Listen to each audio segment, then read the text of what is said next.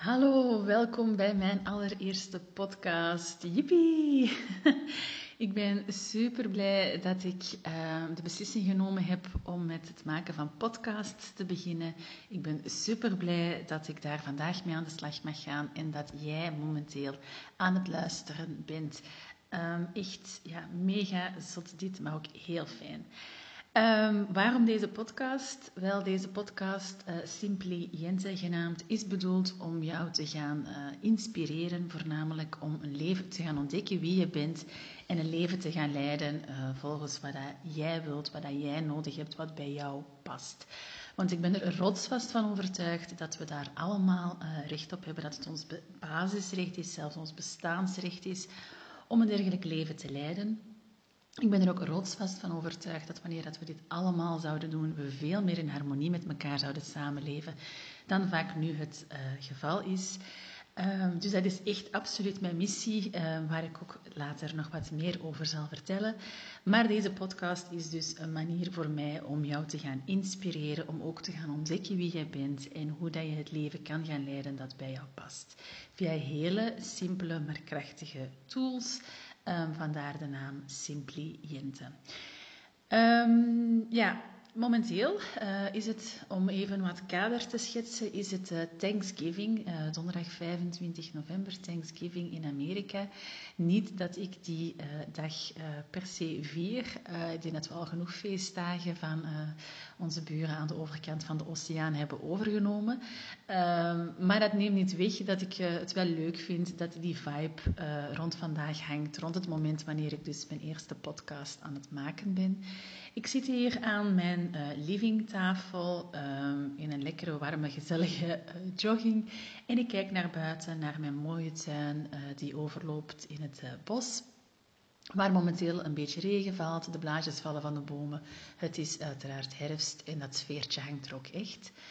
Um, ik heb hier de hond vlak bij mij. Misschien dat je die af en toe tijdens de opname wel gaat horen. Uh, bij voorbaat mijn excuses daarvoor. Het is een beest dat uh, nogal eens durft knorren of iets anders. Dus mocht je daar last van hebben, uh, ik hoop dat het mij vergeven is. Verder hoop ik uh, dat jij momenteel ook uh, in alle rust naar mijn podcast uh, kan luisteren. Dat jij ook ergens snuggeld op zit op het moment dat je dit beluistert. Of je bent misschien aan het wandelen of auto aan het rijden. ik hoop alleszins dat je er met volle bewustzijn bij bent. Um, en dat we echt een half uurtje samen op weg kunnen gaan om dan hopelijk uh, met een fris en geïnspireerd hoofd er terug buiten te komen. Ik heb um, door de jaren heen heel veel informatie verzameld. Dat wordt zo meteen ook wel duidelijk. Um, ik heb heel veel om te delen en ik kan dus niet wachten. Maar deze eerste podcast lijkt me het meest handig dat ik gewoon eerst even voorstel wie ik nu juist ben, naar wie dat je aan het luisteren bent, wat mijn verhaal geweest is um, en hoe ik dus uiteindelijk inderdaad bij mijn missie in deze podcast uh, beland ben. Dus um, ja, laat ons er maar meteen in vliegen, zou ik zeggen. Um, wie ben ik? Ik ben dus uh, Jente van Hees, wat je waarschijnlijk al wel door hebt. Um, ik ben uh, eh, 36 jaar en het doet me altijd een beetje pijn om dat te moeten vertellen. Dat wordt later ook wel duidelijk waarom. Um, ik ben getrouwd, heb twee kinderen die momenteel 9 en 11 jaar zijn.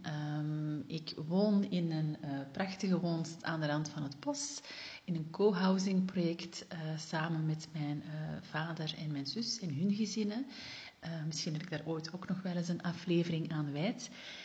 Um, en ja, vandaag is een uh, thuiswerkdagje uh, voor mij, want ik werk als zelfstandig coach en trainer.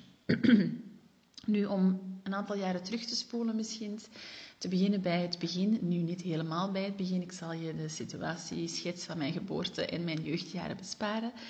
Uh, maar wel naar het begin dat ik uh, ja, ja, richting het volwassen leven stapte, ik zal het zo zeggen.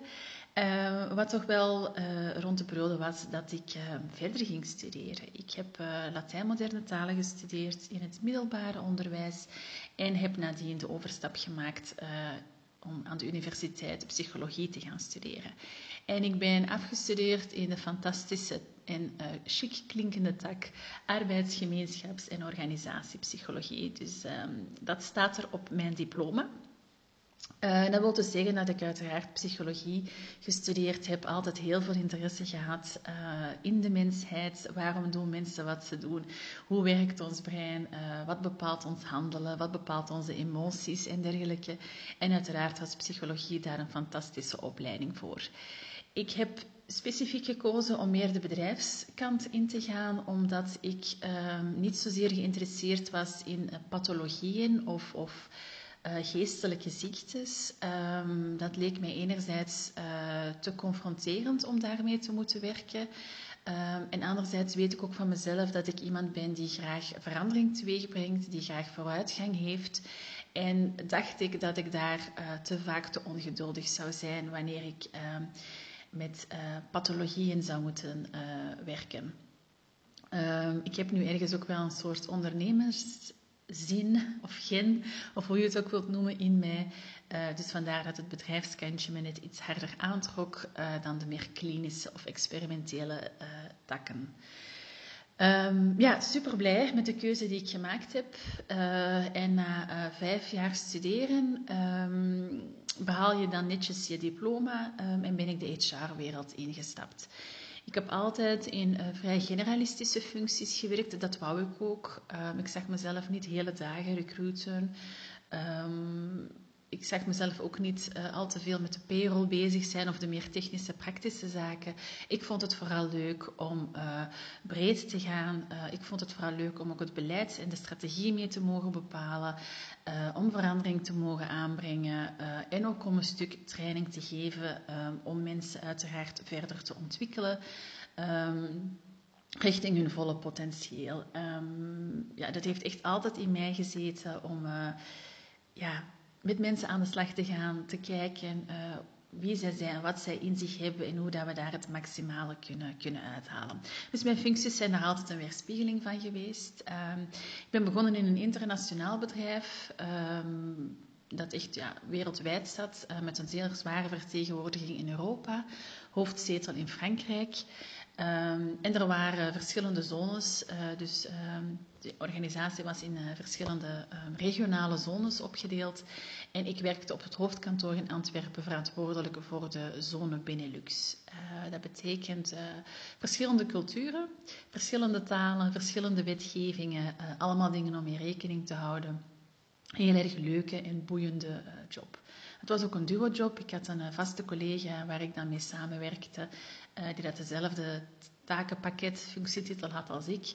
Uh, dus dat maakte het echt uh, super boeiend en super waardevol om, ja, om als beginner, als rookie, mee aan de slag te gaan. Ik heb echt heel veel geleerd in die job, uiteraard. Um, en ook mogen genieten van het training geven af en toe, wat toen al wel in mij zat. En dus um, ja, zo werd dat goestingske werd daar ook aan voldaan, ik zal het zo zeggen. Um, na een aantal jaren in die functie, uh, dus tijdens het uh, uitoefenen van die functie, ben ik ook twee keer uh, mama geworden. Um, een eerste keer in 2010, nadien in 2012. Richting 2012 was ik al een beetje de job beu gezien. was het te repetitief aan het worden, te veel van hetzelfde. Um, en voelde ik wel dat ik goesting had in een nieuwe uitdaging. Uh, maar ja, tegelijkertijd was daar het opstarten van mijn uh, gezin, waar ook wel heel veel tijd en energie naar uitging. En was het voor mij op dat moment gewoon veiliger, makkelijker, comfortabeler om nog in die functie die ik kende uh, te blijven zitten. Zeker omdat baby nummer twee um, ja, toch wel een uitdaging was qua energie. Een, een, kindje dat um, heel veel huilde, heel veel aandacht nodig had. En vandaar dat het ja, voor mij gewoon gemakkelijk was om mijn brain space niet nog verder te overbelasten door een nieuwe functie te gaan uitoefenen, maar het gewoon bij het oude vertrouwde te houden. Maar het gevoel was er wel van ik wil nog vooruit, ik wil nog meer, ik wil nog andere dingen gaan doen. het moment waar ik op, of de functie waar ik op dat moment mijn pijlers op gezet had, was om um, ja, de verantwoordelijkheid te mogen nemen over echt een hele afdeling of een hele site uh, wat HR betreft, van A tot Z. Waarbij ik dus nog meer training zou kunnen geven, waarbij recruiting ook een deel van de job zou uh, worden. Uh, leek me leuk om echt nog generalistischer te gaan. Ehm, dus dat waren de ambities, dat waren de plannen. Tegelijkertijd um, wou ik eerder in een kleinere organisatie um, gaan werken, vooral omdat dat dan dichter bij huis zou zijn. Ik was het uh, tien uur per week in de auto zitten voor het pendelen, wat beu aan het worden. Uh, zeker in de combinatie met het jonge gezin vond ik dat te veel verloren tijd. Dus was de ambitie van oké, ik ga voor een nog generalistischere HR-functie, maar dan allicht in een uh, kleiner bedrijf dichter bij huis. En dat betekent dat ik uh, allicht uh, naast HR ook de payroll, het loonbeleid en de loonverwerking voor mijn rekening zal moeten nemen, want kleinere organisaties is allicht een minder grote HR-afdeling. Um, en dus heb ik besloten om, toen er een plekje vrij kwam als payroll-manager um, in het bedrijf waar ik toen werkte, om daarvoor te gaan was echt een heel strategische keuze met de gedachte van oké, um, ik doe payroll-ervaring op, ik doe leidinggevende ervaring op en nadien kan ik dan rustig uitkijken naar die uh, geambieerde job uh, dichter bij huis. was een leuke ervaring. Ik uh, heb dat twee jaar gedaan en heb daar veel geleerd. En toen kwam de opportuniteit om um, inderdaad dichter bij huis um, HR-manager, personeelsverantwoordelijke te worden. Bij een bedrijf dat uh, in principe internationaal was. Um, het was ook een deel van een hele grote uh, corporate, een Fortune uh, 500 corporate organisatie die wereldwijd actief was.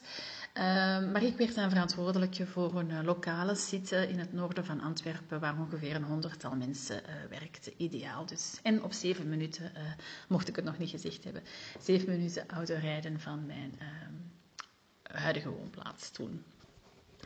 En dat ben ik dan gaan doen. Uh, en ik dacht echt, dit is it, dit, allee, dit is uh, dit is de dream come true, dit is de job die ik wou. En ik ga nu deze job in combinatie met mijn gezin doen voor de rest van de leven. En alles gaat pijs en vree zijn. En mijn leven gaat nu gewoon lekker voortkabbelen en all is well. Dat was echt oprecht hetgene dat ik dacht op het moment dat ik aan die job uh, begon. Maar die job is voor mij eigenlijk... Um, krak tegenovergestelde geweest. Die job is een enorme eye-opener geweest, een enorme spiegel geweest voor mij. Van, uh, ja, die dat eigenlijk heel mijn proces van persoonlijke ontwikkeling dat nadien gekomen is, in gang getrapt heeft.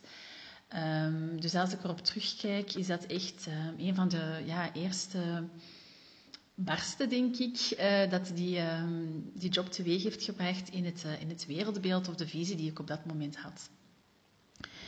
Um, misschien ook nog wel leuk, gewoon als side note, is dat ik op dat moment ook, uh, toen ik de overstap maakte uh, van payroll manager naar HR manager, dat ik toen een webshop had in uh, partyartikelen. Um, ik vond het gewoon um, altijd te leuk om de kinderfeestjes van mijn kinderen te organiseren. Ik vond het ook altijd heel leuk om tafels te stylen met de feestdagen en dergelijke. En omdat de payrollrol al wat te weinig uitdagend was voor mij, omdat er, ja, ik het menselijke contact daar wat miste, uh, heb ik me gewoon toen om aan mijn uh, ondernemerszin uh, te voldoen, ben ik toen een webshop gestart in die partyartikelen als een beetje een tegengewicht voor het, uh, wat voor mij wat saaiere payrollwerk was. Uh, en die voerde ik ook nog uit op het moment dat ik HR-manager werd. Nu heb ik toen uiteraard vrij snel moeten beslissen van ja, HR-manager en webshop-eigenaar is qua time management, qua energiemanagement niet echt um, ja, goed te combineren. Daarnaast uh, was het webshop gebeuren voor mij echt een hobby, maar bleek toch al snel uh, dat ik het uiteindelijk vooral veel leuker vind om tafels te decoreren dan dat ik het leuk vind om uh, partyaccessoires te verkopen. Um, dus ben ik met die webshop gestopt, maar misschien wel een leuke side note ter info. Goed, maar ik ben dus HR-manager. Ik ben ook lid van het uh, lokale managementteam. Ik bepaal mee de strategie die het bedrijf uitgaat. Uh, ik ben verantwoordelijk voor het HR-beleid, voor de payroll, voor training, voor recrutering. En in het begin al is wel en vind ik dat best wel leuk. Uh, maar al vanaf het tweede jaar begin ik te merken van, hmm, ik weet het toch zo niet. Um, Oké, ik werk nu dichter bij huis. Oké, ik heb nu een veel betere work-life balance, hoewel ik niet echt uh, super fan ben van het woord. Leg ik later nog wel eens uit. Um, ik zou echt oprecht gelukkig moeten zijn. Dit is echt alles wat ik wou. Uh, de kinderen worden ook groter, de kinderen worden wat gemakkelijker. Uh, er is ondertussen een hond bijgekomen. we wonen goed. Ehm, wat is er hier aan de hand? Waarom ben ik hier niet gelukkig? Waarom haal ik hier geen voldoening uit? Waarom geeft mij dit niet meer plezier of vreugde? Ehm, hoe komt dit nu? En dan, uh, nog een jaar later, um, is het zo dat er een reorganisatie plaatsvindt in het bedrijf waar ik op dat moment werk. Er moet ongeveer 20% van het personeel afgevloeid uh, worden. En dat betekent uh, vakbondsonderhandelingen. Uh, nu had ik daar ondertussen al wel wat ervaring in, maar ja, een reorganisatie onderhandelen is toch nog wel een ander cup of tea. Um, en op dat moment had ik echt zoiets van, my god, ja, wil ik dit eigenlijk wel? Is dit echt iets waar ik, uh, wat bij mij past? Um, niet zozeer van heb ik de kennis of de macht of het talent om te onderhandelen, uh, want dat ging nog wel redelijk. Maar vooral van, van ga ik hiervan aanstaan? Is dit nu hetgene dat mij energie geeft? Is het nu hetgene waarmee ik een smaal naar huis rijd? Nee, dat is het niet.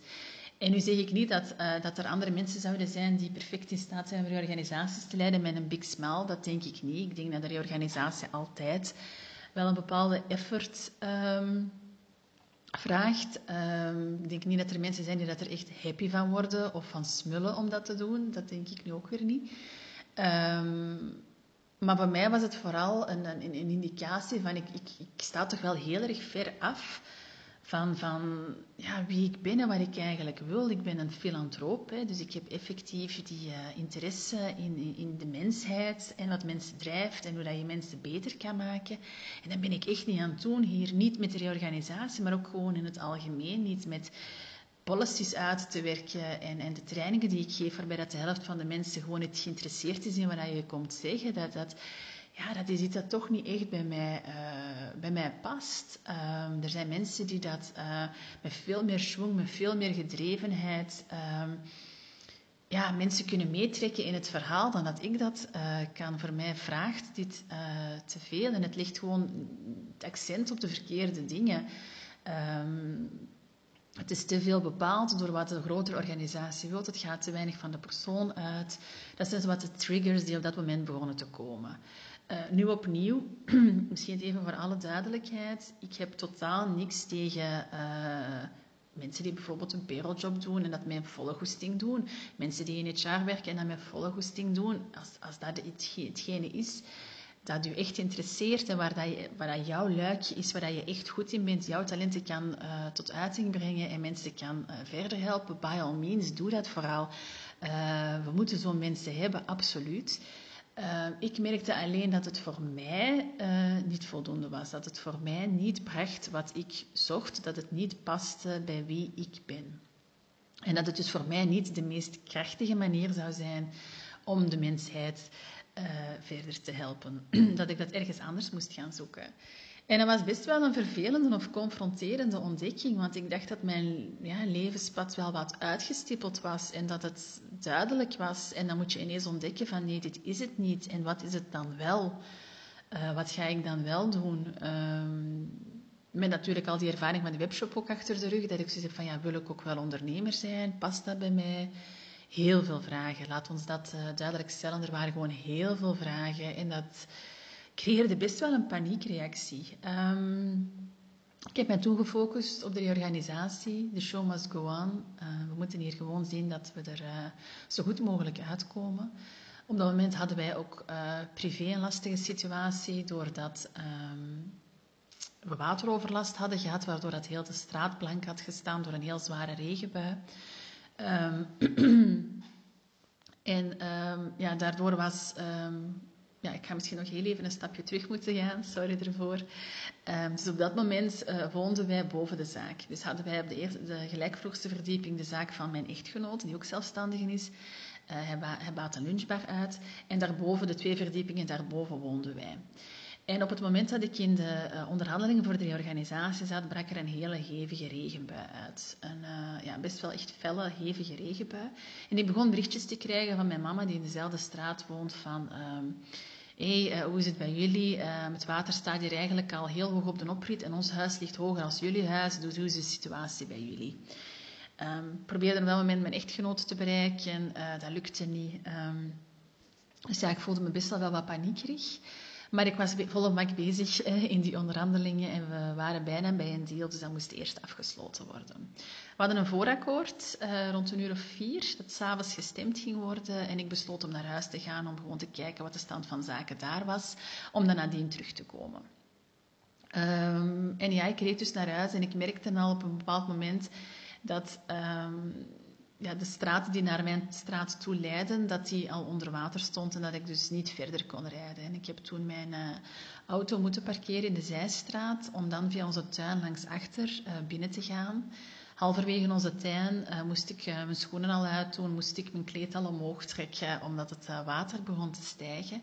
En het was heel erg duidelijk dat ik niet langs de deur ging binnen kunnen, um, maar het water gewoon te hoog stond. Dus ik heb geroepen en dan kwamen mijn uh, man en twee kinderen buiten. Die stonden zo op het, uh, ja, op het dak van onze aanbouw. Um, die hebben dan een ladder uh, weggezet en zo ben ik naar boven naar binnen geklommen. We hadden heel de benedenverdieping stond dus onder water, heel de kelder ook. Um, alles wat in de kelder stond, dreef rond in huis, wat bijvoorbeeld de voorraad was van mijn, van mijn echtgenoot. Dus overal, ja... Um, dreven er uh, drankflesjes, potten mayonaise en dergelijke uh, dreven uh, voorbij. De vloer was al een stuk naar boven gekomen. Um, het water was ook echt zwart en vuil. Um, ja, het, was er gewoon erg aan toe. We hadden geen elektriciteit, niet meer. Dus er zat niks anders op dan gewoon naar boven te gaan en, en af te wachten. En um, ja, rond een uur of tien s'avonds kreeg ik een telefoontje dat het uh, voorakkoord dus niet um, goedgekeurd was door de, de, werknemers.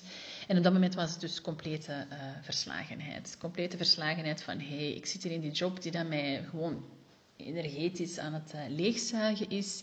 Ik zit hier met die wateroverlast in mijn huis, ik totaal niet weet wat dat gaat geven. En mijn man is nu echt letterlijk technisch werkloos. Ik weet het echt even allemaal niet meer. Voor wie of wat ben ik dit aan het doen? Waar zit nu echt mijn voldoening, waar zit mijn plezier? Ik weet het echt niet meer. Um, dus dat was een dieptepunt. Maar het voordeel aan een dieptepunt is dat uh, the only way back is up. Dus dat je niet meer verder kan zakken, maar alleen nog maar terug omhoog kan gaan. Uh, en dat was het ook. Dus ik uh, ben de dag nadien, uh, was het staking.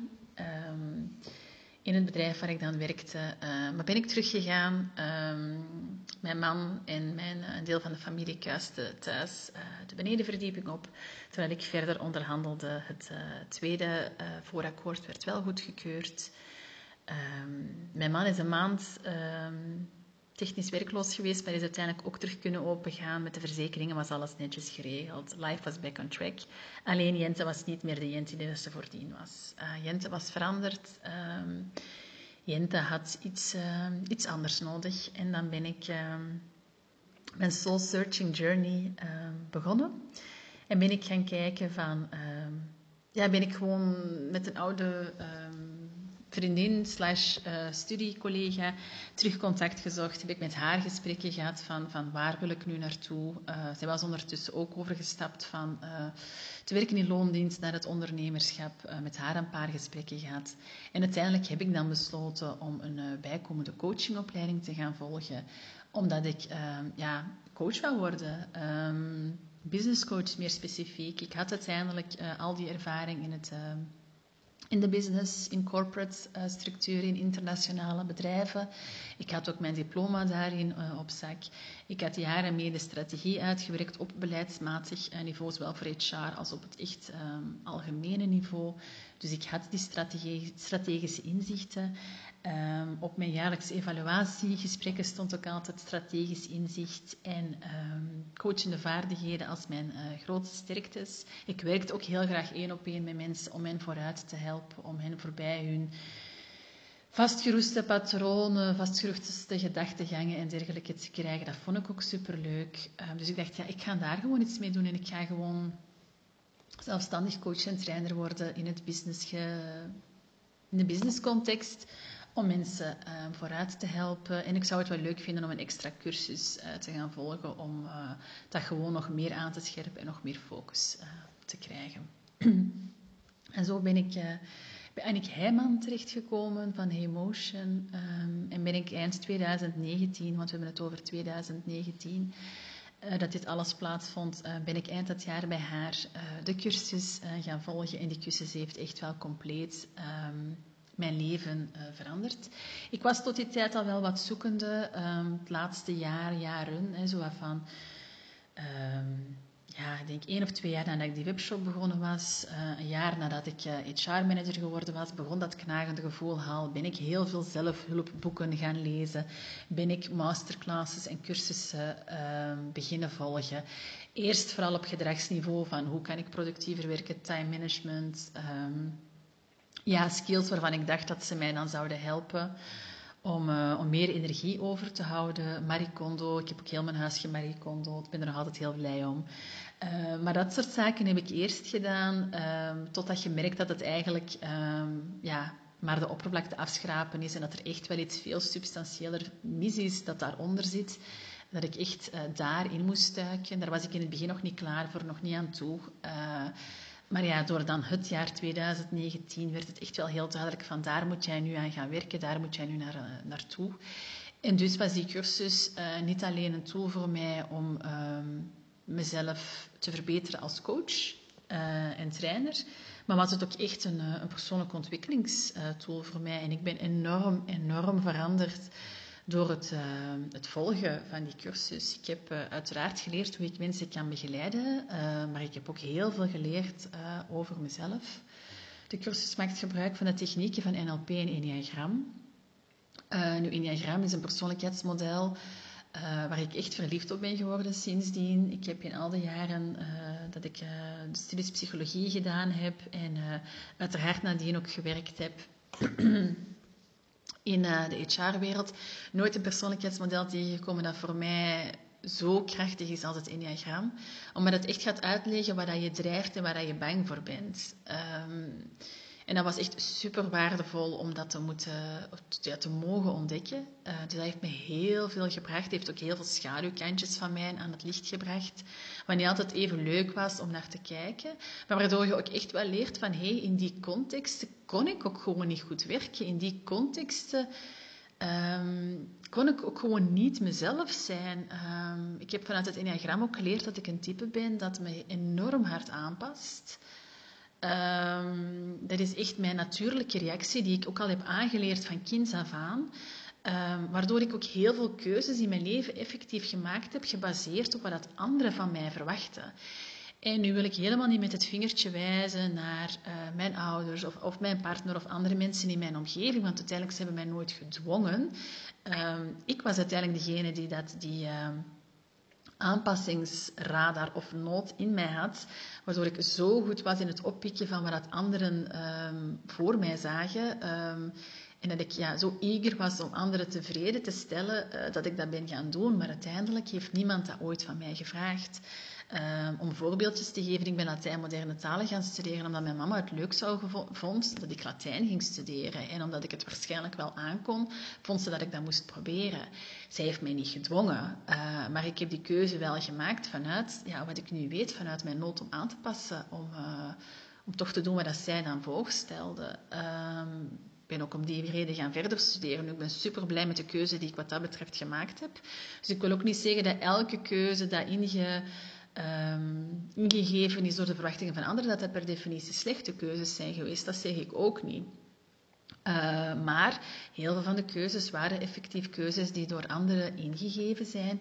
En ze waren niet allemaal um, even fantastisch of even passend bij wie ik was. En zolang dat je nog niet echt een, een super beeld hebt van, van, van je pad of je persoonlijkheid, maakt het allemaal minder uit. Ik zeg het, ik ben uiteindelijk heel blij met alle studies die ik gedaan heb. Uh, maar gaandeweg um, ja, wordt dat wel duidelijker. Um, en uh, ja, het heeft dus een aantal jaren geduurd tot ik door had van oké, ik ben nu in een situatie beland waarin ik heel veel keuzes genomen heb die ik dacht dat zo hoorde. Uh, mijn managers zagen mij altijd doorgroeien richting een HR-managerfunctie. Uh, uh, mijn omgeving verwachtte ook van oké, ze gaat gewoon de corporate wereld in en die ladder opklimmen. ik had ook het voorstel al gekregen om um, na HR-manager om dan de rol van internationale HR-director op mij te nemen. Ik was ook al in de voorbereiding daarvan. Dus dat was gewoon het pad om te volgen en ik stond daar niet voldoende bij stil van, past dit echt bij mij? En, en, en ja, ik had mij gewoon een hele lang, leven lang waarschijnlijk blijven aanpassen om in die rollen te, te passen die dat andere mensen voor mij zagen, maar waar ik eigenlijk intrinsiek van wist van dit is niet wie ik ben of wat ik wil. En via het Enneagram heb ik dus vooral dat uh, kunnen leren. Heb ik vooral kunnen leren van oké, um, waar ben ik nu naar op zoek? Waar liggen mijn sterktes? Waar liggen mijn valkuilen? Waar ben ik allergisch aan? Waar kan ik eigenlijk helemaal niet tegen? En moet ik misschien beter van wegblijven? Of moet ik uiteraard ook een stukje uh, aan ontwikkeling doen om daar beter mee te kunnen omgaan? Maar ja, wat past er nu effectief uh, bij mij? Dat heeft het Enneagram mij zeker en vast gebracht. En daarnaast dan het NLP, waar je gewoon heel veel tools krijgt om uh, je eigen overtuigingen te gaan onderzoeken, om uh, je eigen patronen in kaart te brengen, om te gaan analyseren waar daar bepaalde gedachten vandaan komen. Uh, maar ook om heel concreet nieuwe doelen te stellen, de haalbaarheid van je dromen te gaan onderzoeken, um, ja, acties te gaan ondernemen die dat echt bij jou passen en die echt het verschil gaan maken, hulpbronnen te definiëren die je kunnen helpen richting dat gewenste resultaat. Uh, dat zijn allemaal zaken die je via NLP leert. Het stellen van grenzen, het, uh, het leren nee zeggen. Uh, dat zijn de tools die ik daar geleerd heb en die dat mij uiteraard dus ook persoonlijk enorm veel geholpen hebben. Dus die cursus heeft echt letterlijk mijn leven veranderd. En ik zeg ook altijd als er mij gevraagd wordt naar die cursus, zeg ik was een leven voor en een leven na die cursus. Um, ik heb tijdens die cursus ook mijn missie gevonden. Um, dat is ook een van de opdrachten die je krijgt tijdens die cursus. Je krijgt daar een tool voor aangereikt. Um, dus ik heb ontdekt dat ik inderdaad de persoon ben um, die voor zichzelf wilt ontdekken wie ik ben en daar mijn leven naar wil ontwerpen en die dat ook de anderen dat gunt. En de reden dat dat mijn missie is, is uiteraard omdat daar mijn allergrootste verdriet zit. Hè. Ik heb het net al uitgelegd. Uh, ik heb mijn jaren aangepast. Ik heb jaren gedaan wat er van mij verwacht werd. En de momenten dat ik dat niet deed, voelde ik me schuldig. Uh, ik had het ook heel moeilijk met de balans tussen moeder zijn en werken. Omdat er waren mensen van mij die dat verwachten dat ik echt een workaholic was. Die voor haar carrière ging. Dus deed ik mijn best om aan dat beeld te voldoen. Maar er waren ook mensen die van mij verwachten van nee, je moet als moeder zo vaak mogelijk beschikbaar zijn voor je kinderen. En je moet er s'avonds zijn wanneer uh, ze uit school komen. En, en je moet zoveel mogelijk van je vrije tijd met je kinderen doorbrengen. Dus ook dat was een beeld waar ik aan probeerde te voldoen. En geen een van die twee paste bij mij. En zeker de combinatie van de twee putte me gewoon volledig uit. En zo zijn er echt tig voorbeelden die ik kan opnoemen van situaties waarin ik zo hard mijn best deed om mezelf aan te passen en goed te doen voor de anderen. Ehm, maar waar ik zelf gewoon echt wegkwijnde. En op het moment dat ik dan eens voor mezelf koos, en dat is misschien ook wel herkenbaar als jij luistert, is dat ik me dan schuldig voelde. Dat ik voelde van ik ben hier mensen misschien teleur aan, aan het stellen. En dat gevoel wil ik ook niet hebben, want dat maakt me ook onrustig. En dat is echt een soort... Ehm, patroon dat zich bijna heel mijn volwassen leven heeft, uh, heeft afgespeeld. Um, en nergens in dat verhaal heb ik ooit stilgestaan bij wat wil ik zelf of wat denk ik nu zelf. Um, en toen ik er straks dus met een beetje pijn in mijn hart mijn leeftijd vertelde, heeft dat niet zozeer te maken met de rimpeltjes die zich misschien beginnen af te spelen rond mijn ogen, hoewel dat het er ook wel een beetje mee te maken heeft. En het occasionele grijze haar dat ik uh, tegenkom. Maar heeft dat vooral te maken uh, met het besef van, I've wasted so much time. Ik ben zoveel tijd verloren door dingen te doen die andere mensen gelukkig maken, dat ik ja, zoveel tijd verloren ben die ik had kunnen besteden om mezelf gelukkig te maken. En ik geloof ook oprecht dat wanneer je zelf gelukkig bent, dat je dan pas de wereld om je heen ook gelukkiger kan maken. Dat ik pas echt een goede moeder, dochter, partner, huisvrouw, werknemer, coach, trainer, zelfstandige of wat dan ook kan zijn, wanneer ik zelf gelukkig ben. En dat wil niet zeggen dat je alle dagen gelukkig bent, hè. begrijp me niet verkeerd. Uh, het leven gebeurt, uh, er zijn ups en downs. Maar wanneer je goed voor jezelf zorgt en wanneer je trouw blijft aan jezelf, dat is het hem vooral, denk ik. ehm, ja, ga je er ook gewoon voor zorgen dat je, dat je dat uitstraalt naar anderen en dat je de juiste energie en intentie en mindset hebt om dat uh, anderen ook te gaan uh, gunnen en daarmee anderen aan de slag te gaan. Um, als ik nu kijk naar mijn rol als moeder, daar vertaal ik ook gewoon mijn missie in. Van oké, um, het maakt niet uit hoe vaak ik bij mijn kinderen ben en of ik al mijn vrije tijd met mijn kinderen doorbreng en bla bla bla bla. En welke regels dat de maatschappij of wie dan ook heeft opgelegd. Voor mij gaat het erom, ontdekken mijn kinderen wie dat ze zijn en krijgen ze alle tools en zelfvertrouwen en wat dan ook van mij dat ze nodig hebben om van daaruit hun leven te gaan ontwikkelen. Um, dat is ook de ondersteuning die ik aan mijn partner wil bieden, die ik aan mijn vriendinnen wil bieden en noem maar op. Um, en zo wordt het uiteraard een veel congruenter plaatje uh, dat perfect past bij wie ik ben en waardoor ik echt vanuit mijn talenten, mijn kracht um, anderen kan helpen en mijn bijdrage kan gaan leveren aan het uh, een beetje mooier maken van de wereld. Dus um, ja, dat is wat mijn, uh, mijn verhaal geweest. Um, ik hoop dat het uh, iets of wat duidelijk was, want ik vertel hier echt gewoon vanuit het hart, gewoon vanuit wat in mij opkomt, um, hoe het voor mij geweest is. Um, misschien dat je een stukje in mijn verhaal herkent. Misschien dat jij inderdaad ook tijdens je leven je al veel hebt aangepast of aan het pleasen bent geweest. Uh, of dat je momenteel misschien ook in een job zit die je niet leuk vindt. Of dat je soms ook last hebt van wat de maatschappij van jou verwacht. Uh, weet dan dat ik u zie, ik u hoor, ik u begrijp. Uh, deel ook gerust met mij waar je tegenaan loopt. Um, ja, ik, uh, I'm here to help and to support you. Laat dat duidelijk zijn. En daarmee rond ik mijn verhaal voor vandaag af. Ik vond het uh, superleuk dat je erbij was. Uh, als je iets gehad hebt aan deze podcast, laat het me zeker weten. Of laat misschien een review of een ranking achter um, binnen jouw uh, podcast-app. dat zou ik echt super fantastisch vinden. En ik zie je de volgende keer. Doei!